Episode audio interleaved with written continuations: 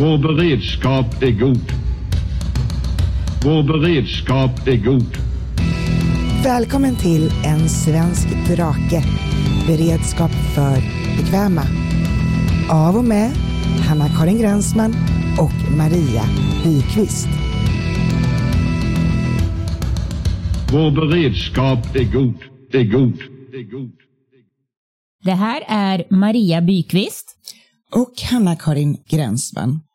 Och tillsammans är vi En svensk drake. Beredskap för bekväma. De här drakarna har inte en skatt av guld utan av konserver. Och det här är det första avsnittet av en helt ny podd, En svensk drake. Maria, vad kommer vi att prata om här? Här kommer vi fokusera på hemberedskap för oss som verkligen inte tänker springa ut i skogen, bo i vindskydd eller jaga ekorrar med pilbåge, utan som vill försöka leva så normalt och bekvämt som möjligt, även vid kris eller samhällsstörning. Alltså en lagom beredskapspodd, helt enkelt. Och vi finns på Spotify, så det är bara att följa oss för att inte missa ett enda avsnitt. Vem är du då, Hanna-Karin? Ja, jag är beteendevetare, så jag kommer prata en del om hur vi kan tänkas reagera vid kris och störningar och hur vi kan må. Och jag jobbar med kommunikation, vilket också är naturligtvis viktigt att man kan upprätthålla både kommunikation och humör vid sådana här störningar. Och i övrigt så jobbar jag mycket med att föreläsa och moderera. Och därför är det också min uppgift här att försöka hålla ordning på samtalen så att vi håller oss inom ämnet. Och kanske inte så mycket jag utan mycket att Maria håller sig inom ämnet. För vem är du Maria? Jag skriver kokböcker, lagar mat, både vanlig och beredskapsmat. Jag skriver berättelser för barn om min lilla drake Flamma, som också är den som lär alla att laga mat i kokböckerna. Och jag kommer troligtvis att ge Hanna-Karin en väldig massa bekymmer eftersom jag är fenomenal på att associera, tycker om att prata och är ungefär lika enkel att hålla rätt på som det är att valla katter. Ja, så då har vi någonting att se fram emot. Så vad ska vi prata om idag? Det här blir ju då ett lite längre introduktionsavsnitt, för det här är ju första gången så ni ska få lära känna oss lite. Men i fortsättningen kommer målet att vara att ha runt en halvtimme långa avsnitt som vi kommer att släppa på söndagar.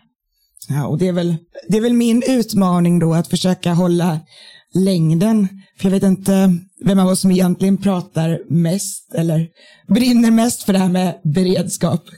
Jag tror det är ganska jämnt. Ja, det lär ju onekligen visa sig med tiden. Så livskvalitet i kris, vad, vad menar vi med det?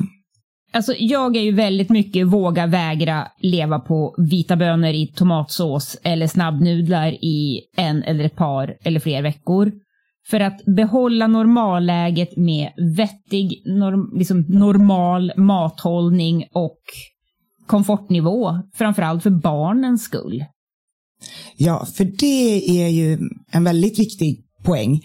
Att det är inte riktigt sant det här att man säger att barn äter bara de blir tillräckligt hungriga. Barn fungerar inte riktigt på det sättet.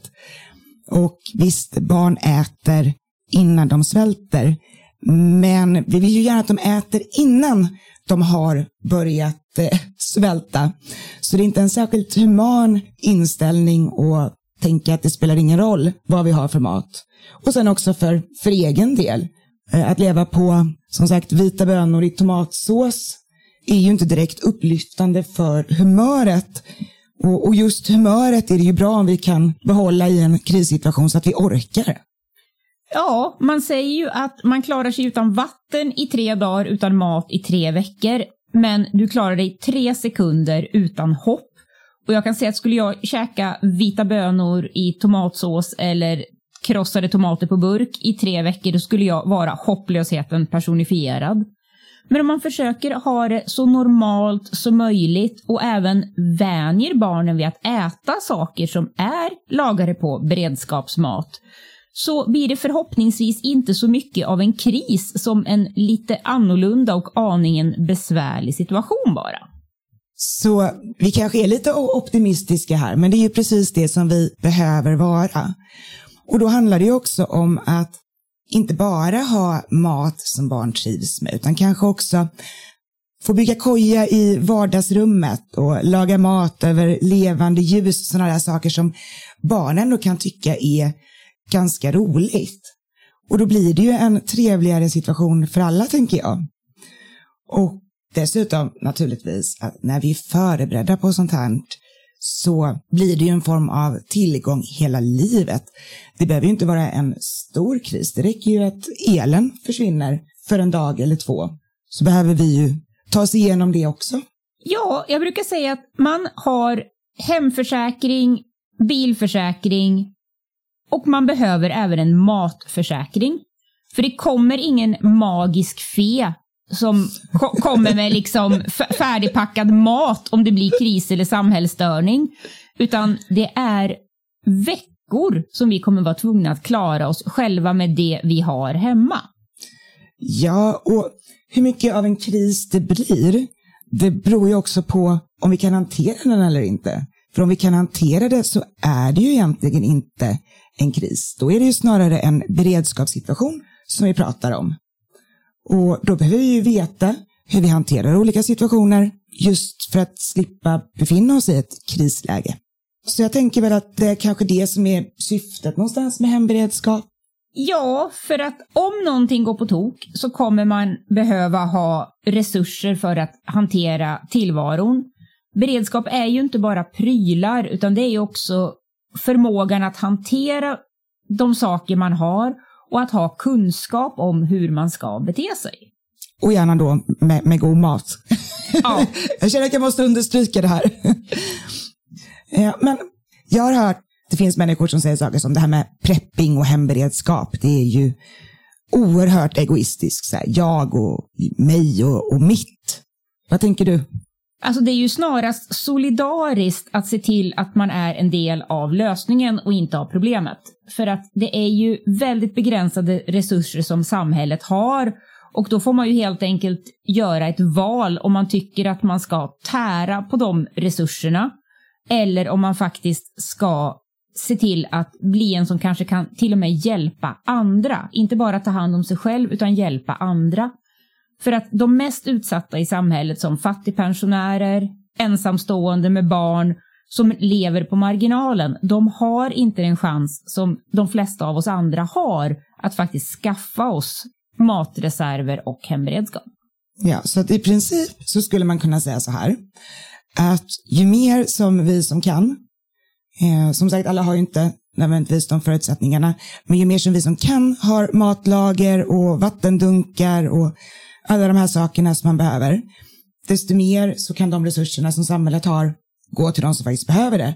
Och, och vi rent krasst blir lite bättre människor för att vi tar lite ansvar för oss själva. Så snarare det än att vara egoistiska. Kan, kan, vi, kan vi säga så? Ja, det, det, är inte ett dugg egoistiskt, utan det är det mest solidariska man kan göra egentligen. Så det gör då att vi och alla som lyssnar på den här podden och lär sig saker, helt enkelt, vi är lite bättre människor. Ja, precis. och vi då? Skulle du säga att vi är lite mer rädda än andra? Jag skulle säga att det är nästan tvärtom. Vi är mindre rädda, för vi vet ju vad vi ska göra om någonting händer och det vet ju även våra barn. Vilket också naturligtvis är en stor trygghet.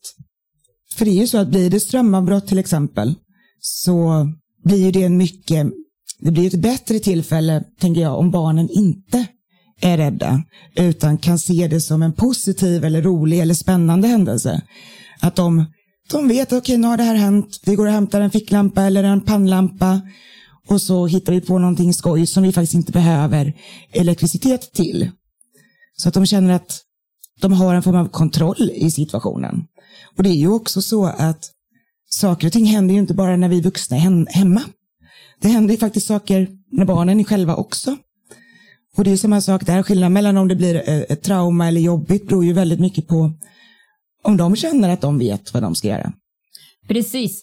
Och som nyhets och informationsinhämtningen ser ut idag, den är ju så liksom allomfattande att det är omöjligt att skydda sina barn från all information som pratar om någonting obehagligt som ska hända. Och vet barnen då istället vad de ska göra i olika situationer, då behöver de ju inte gå och oroa sig för de situationerna, utan det handlar om att ge barnen verktygen för att kunna hantera saker som händer, oförutsedda saker. Ja, och jag menar, jag tror att alla som har barn nog delar min upplevelse av att nu med, med kriget i Ukraina till exempel, så är det ju väldigt mycket prat om, om, kriget och vem som är dum och vem som är god och också tal kanske om kommer kriget till Sverige och alla de där frågorna som kommer. Så vi har ju både de mer, vad ska vi säga, allvarligare situationerna och de mindre allvarliga situationerna. Och min erfarenhet och uppfattning är att just det att om man pratar lugnt och sansat med barnen om de här nyheterna, om man liksom på olika sätt diskuterar kring det och, och gärna som sagt innan det faktiskt har hänt, så har man helt andra möjligheter att dels få med barnen på tåget, men framför allt, och det kanske det absolut viktigaste, att de blir mindre oroliga. För ingen vill ju ha oroliga och rädda barn om man kan undvika det, tänker jag. Nej, men det är ungefär som att resonera att barn skulle bli rädda av att man pratar om hur man hanterar när dåliga saker händer. För barn blir ju inte hysteriskt rädda för att allt ska brinna ner bara för att skolan har brandövning ett par gånger om år. Utan de ser att saker händer och sen är det vår uppgift från föräldrar att hjälpa barnen att få en realistisk syn på vad som kan hända och hur man löser de grejerna. Då blir det ju snarast en trygghet än någonting som orsakar rädsla. Och det där tycker jag är så intressant. Jag tycker det var ett jättebra exempel. Ja, men just det här med brandövning. Vi har ju brandövningar. Och det är liksom någonting som ingår naturligt i skolan. Men skolan också hade ju kunnat ha massa andra typer av övningar. Vad gör vi om strömmen går i skolan? Vad gör vi om föräldrarna inte kan komma och hämta sina barn för att det har skett någon naturkatastrof någonstans? Alla de där bitarna. För det är ju möjligt att skolan har en viss beredskap, det vet jag faktiskt inte. Jag vet inte hur det är på mina barns skola i alla fall. Men jag skulle inte få en hjärtattack och dö av förvåning om deras beredskap stannar just vid, vid brandövningar. Men, men ju mer man gör sånt, desto bättre är det förstås, både för barnen och, och skolan och föräldrar och för alla. Men behöver vi verkligen vara beredd på allt? Eller vad är det som kan hända? Det finns ju väldigt mycket som kan hända. Det behöver ju inte vara stora kriser för att det ska bli väldigt besvärligt. Det räcker att hela familjen blir riktigt eländigt förkyld eller magsjuka så att man inte kan åka ut och handla på en vecka. Det kan vara elavbrott, det kan vara vattenavbrott, det kan vara bränder i närheten, skogsbränder, det kan vara översvämningar. Ja, och sen så, jag tänker mycket på också de här sakerna vi har sett, alltså att en bank blir hackad alla våra kort. Vi kan plötsligt inte betala i affärerna längre för att kassasystemen är nere eller vi inte kommer åt våra pengar. Då är det ju bra att ha matvaror hemma så att man klarar sig. Ja, det underlättar onekligen. Och internet generellt. Vi har ju blivit väldigt, väldigt beroende av internet på, på gott och ont. Och internet kan gå ner likväl som strömmen naturligtvis. Och sen har vi ju också, jag menar, vi såg ju en hel del under pandemin som har varit och det finns ju inget som säger att det inte kan komma fler pandemier. Sen kan det vara utsläpp av farliga ämnen och det kan vara transporthaverier. Vi är otroligt beroende av transporter. Att många av de matvarorna som finns i butikerna kommer ju med olika former av transporter, så kommer de inte fram, då spelar det ingen roll om strömmen finns kvar, för det finns ingenting att handla ändå. Eh, det finns ju krisberedningsgrupper som eh, regeringen har utsett som säger att vi ska kunna klara oss utan införsel av mat i landet i tre månader. Och idag har vi tur om vi skulle klara oss i tre dagar. Så att både vi som privatpersoner och myndigheterna har ju en grym uppförsbacke att ta oss upp för. Ja, och där har vi också just det här med solidaritet. Därför att om jag går och handlar nu det jag behöver, då betyder det att de som ja, har glömt eller av andra skäl inte handlade i, i förväg eller inte kunde eller vad den är, då är inte hyllorna helt utplockade för dem. För har jag mitt så behöver jag ju inte springa till affären. Och det gör ju någonstans att situationen måste ju bli lite bättre för alla, tänker jag. Framförallt så är det mindre risk för knytnävsslagsmål med andra föräldrar med hungriga barn på ICA.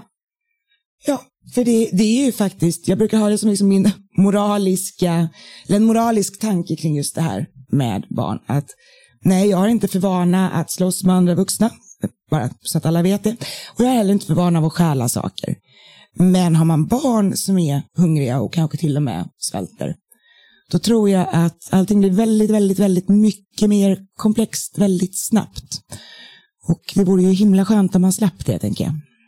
Ja, att då istället för att när man hör på radion om halvkravaller i mataffären, att bara kunna stänga dörren och låsa om sig och ha mat som man behöver och kanske till och med kunna låta barnens kompisar komma över och få ett ordentligt mål lagad mat. Ja, det är faktiskt, ja, det är en bra aspekt för det är, det är inte bara ens egna barn man bryr sig om.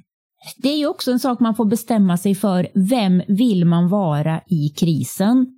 Och den man är i krisen kommer ju att ha ganska hyggliga konsekvenser för hur människor ser på en efter krisen. Är man en schysst person som hjälper till och liksom kan hjälpa andra eller är man den stora delen av problemet själv och har liksom knytnävsslagsmål med grannen på mataffären? Ja, den relationen kommer ju kanske aldrig att bli riktigt vad den var. Jag har inte prövat, men jag föreställer mig att det är...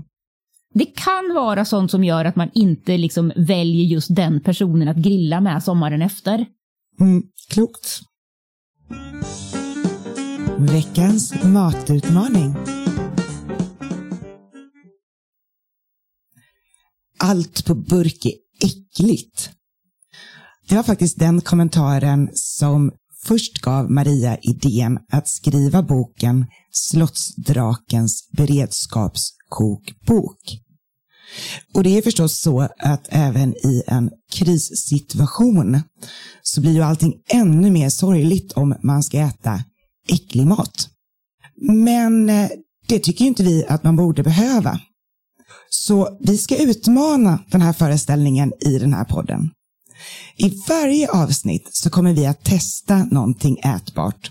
Jag kommer ge Maria utmaningar och göra allt jag kan för att sätta dit henne och se vad vi kan göra för att skapa god och rolig mat.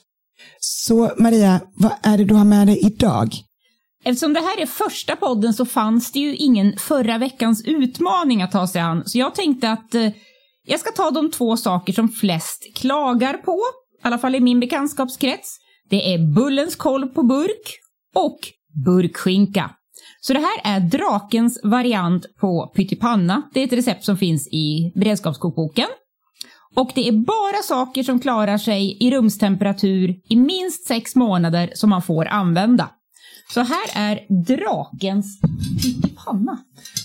Okej, så det här är alltså då med Bullens korv på burk och burkskinka. Ja, potatisen är på burk och till och med löken är syltlök på burk. Spännande. Jag vet inte om jag vågar smaka på det här. Det ser i alla fall trevligt ut.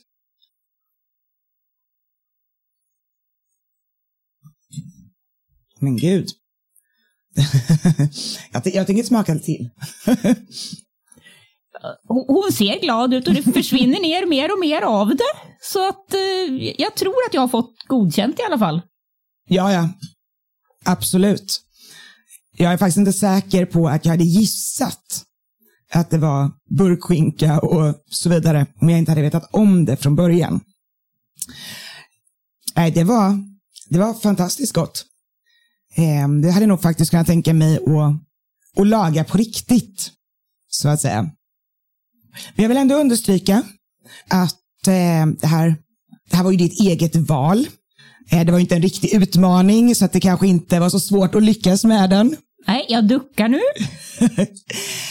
så jag tänker att eh, För nästa vecka så ska du få en riktig utmaning. Okej. Och jag tänker så här att i kris och sorg och katastrof, vad behöver man mest?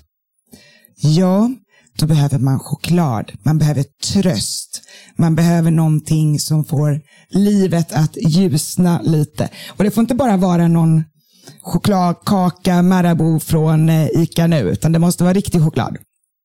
Marabou blir det garanterat inte eftersom de är svartlistade av Ukraina på grund av sina Rysslandsaffärer.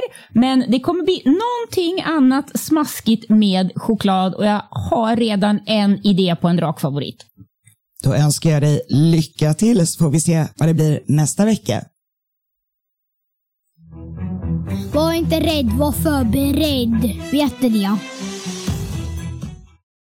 Det har varit en fullkomlig kavalkad av trassel och problem sista tiden i eh, Sverige.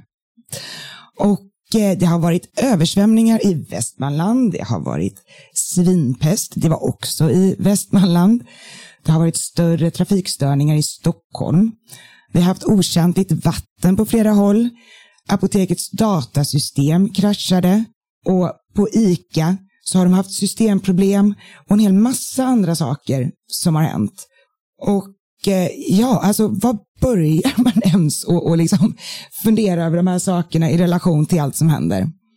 Alltså det är en bra idé att varje gång det kommer en nyhet om att det har hänt någon kris eller samhällsstörning, fundera över vad skulle du som du har i nuläget kunna ha gjort för att hantera det? Då upptäcker du saker att förbättra i din egen beredskap löpande. Och det är bra att ha liksom ett litet beredskapsblock eller en beredskapsbok och skriva upp det där i. Och vad kan man skriva ner konkret då, säg till exempel relativt de här översvämningarna som har varit?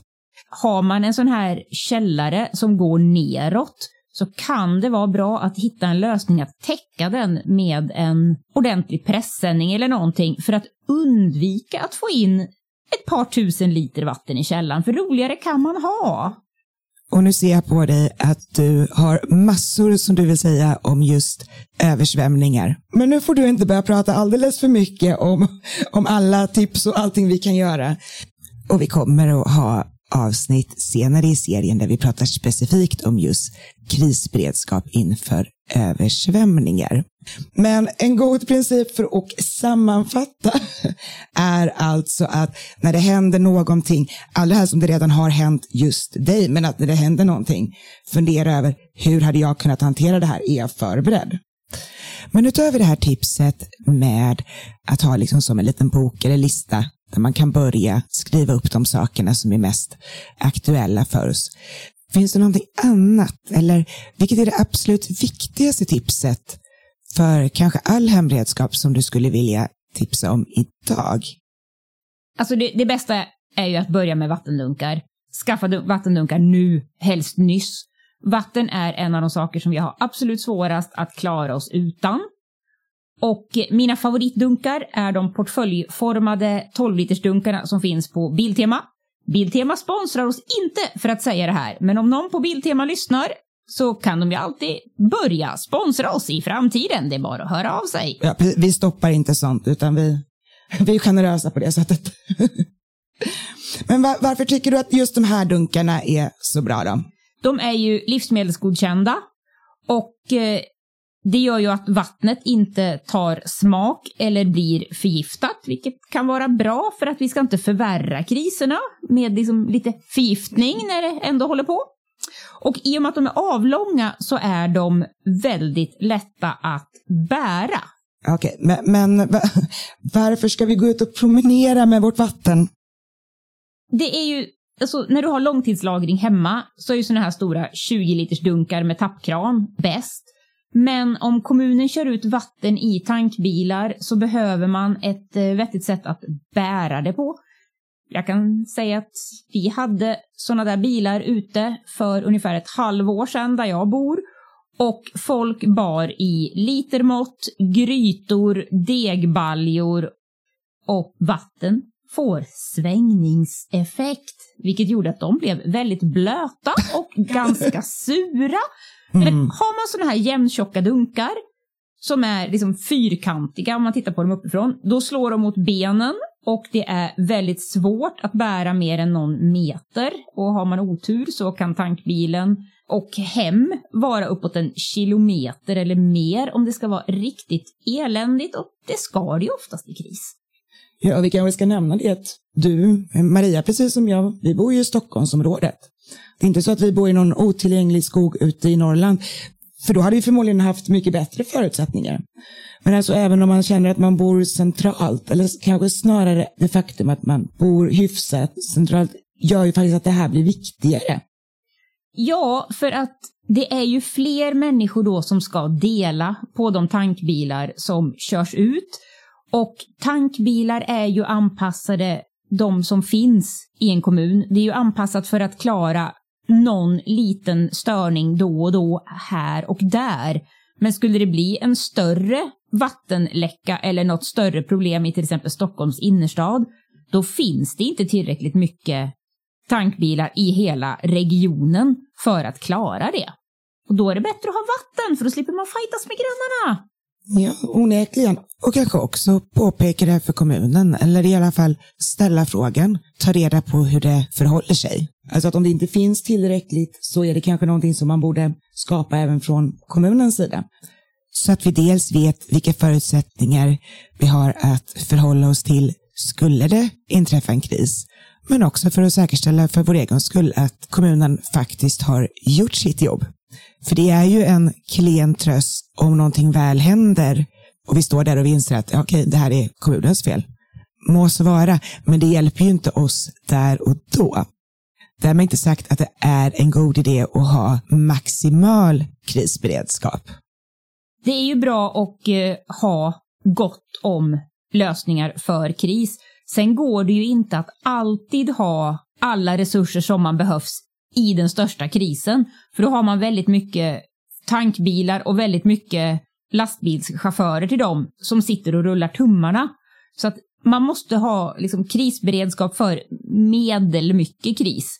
Så när kriserna samlas eller blir för många på många olika ställen, det är då som det går åt skogen.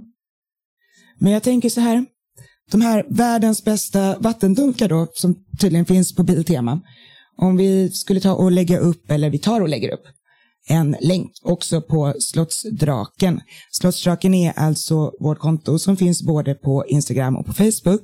Så vi lägger upp en liten länk där så att den som tycker att det här låter som en bra idé kan hitta till dem. Det tycker jag låter jättebra.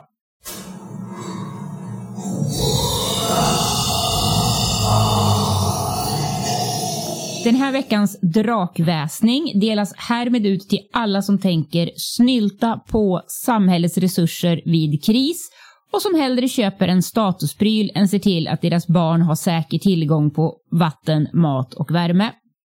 Det är i princip som att stjäla resurser av fattiga pensionärer och andra utsatta. Skärpning, fixa, sätt fart. Nästa vecka får ni höra Hanna-Karin tänka till runt något som hon tycker kan behöva tänkas till om. Det blir säkert mycket klokare och framförallt mycket mindre ilsket. Ja, vi får se. Jag lovar ingenting bestämt. I nästa avsnitt så kommer det att bli en introduktion i hur man bygger upp den här hemberedskapen som man behöver och var man börjar någonstans från allra första början. Och det kommer att bli fokus på just de som bor i stan, de som bor i lägenhet och de som har begränsat med tid, pengar och utrymme. Och känner du nu att det här var ju rysligt spännande och bara inte kan vänta till nästa vecka utan vill komma i kontakt med oss eller ta del av recept och andra saker. Då hittar du oss i social media. Där samlar vi allt material som vi pratar om under avsnitten. Där kan du också tipsa om utmaningar som jag skulle kunna ge Maria framöver, för jag kommer väl förr eller senare att få slut på idéer. Och också ifall ni har några idéer om någonting som ni tycker att det vore intressant om vi tog upp och pratade om. Det här är också första avsnittet på den här podden, så kanske har ni tips och idéer på hur vi skulle kunna göra det ännu bättre. Eller bara allmänt känner en stor lust att hylla oss, då är det social media som är rätt plats för det. Det går att höra av sig via både Instagram och Facebook på Slottsdraken. Och glöm inte att om du känner någon som du tror skulle gilla den här podden, eller som verkligen borde lyssna på den oavsett om de vill eller inte, så se till att tipsa dem. Och så ses vi nästa vecka.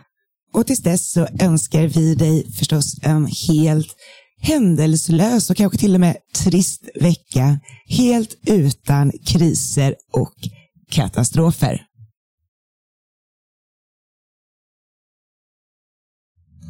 Du har lyssnat till En svensk drake, beredskap för bekväma, av och med Hanna-Karin Gränsman och Maria Byqvist. Besök Spotify för att inte missa ett avsnitt. Nya avsnitt varje söndag.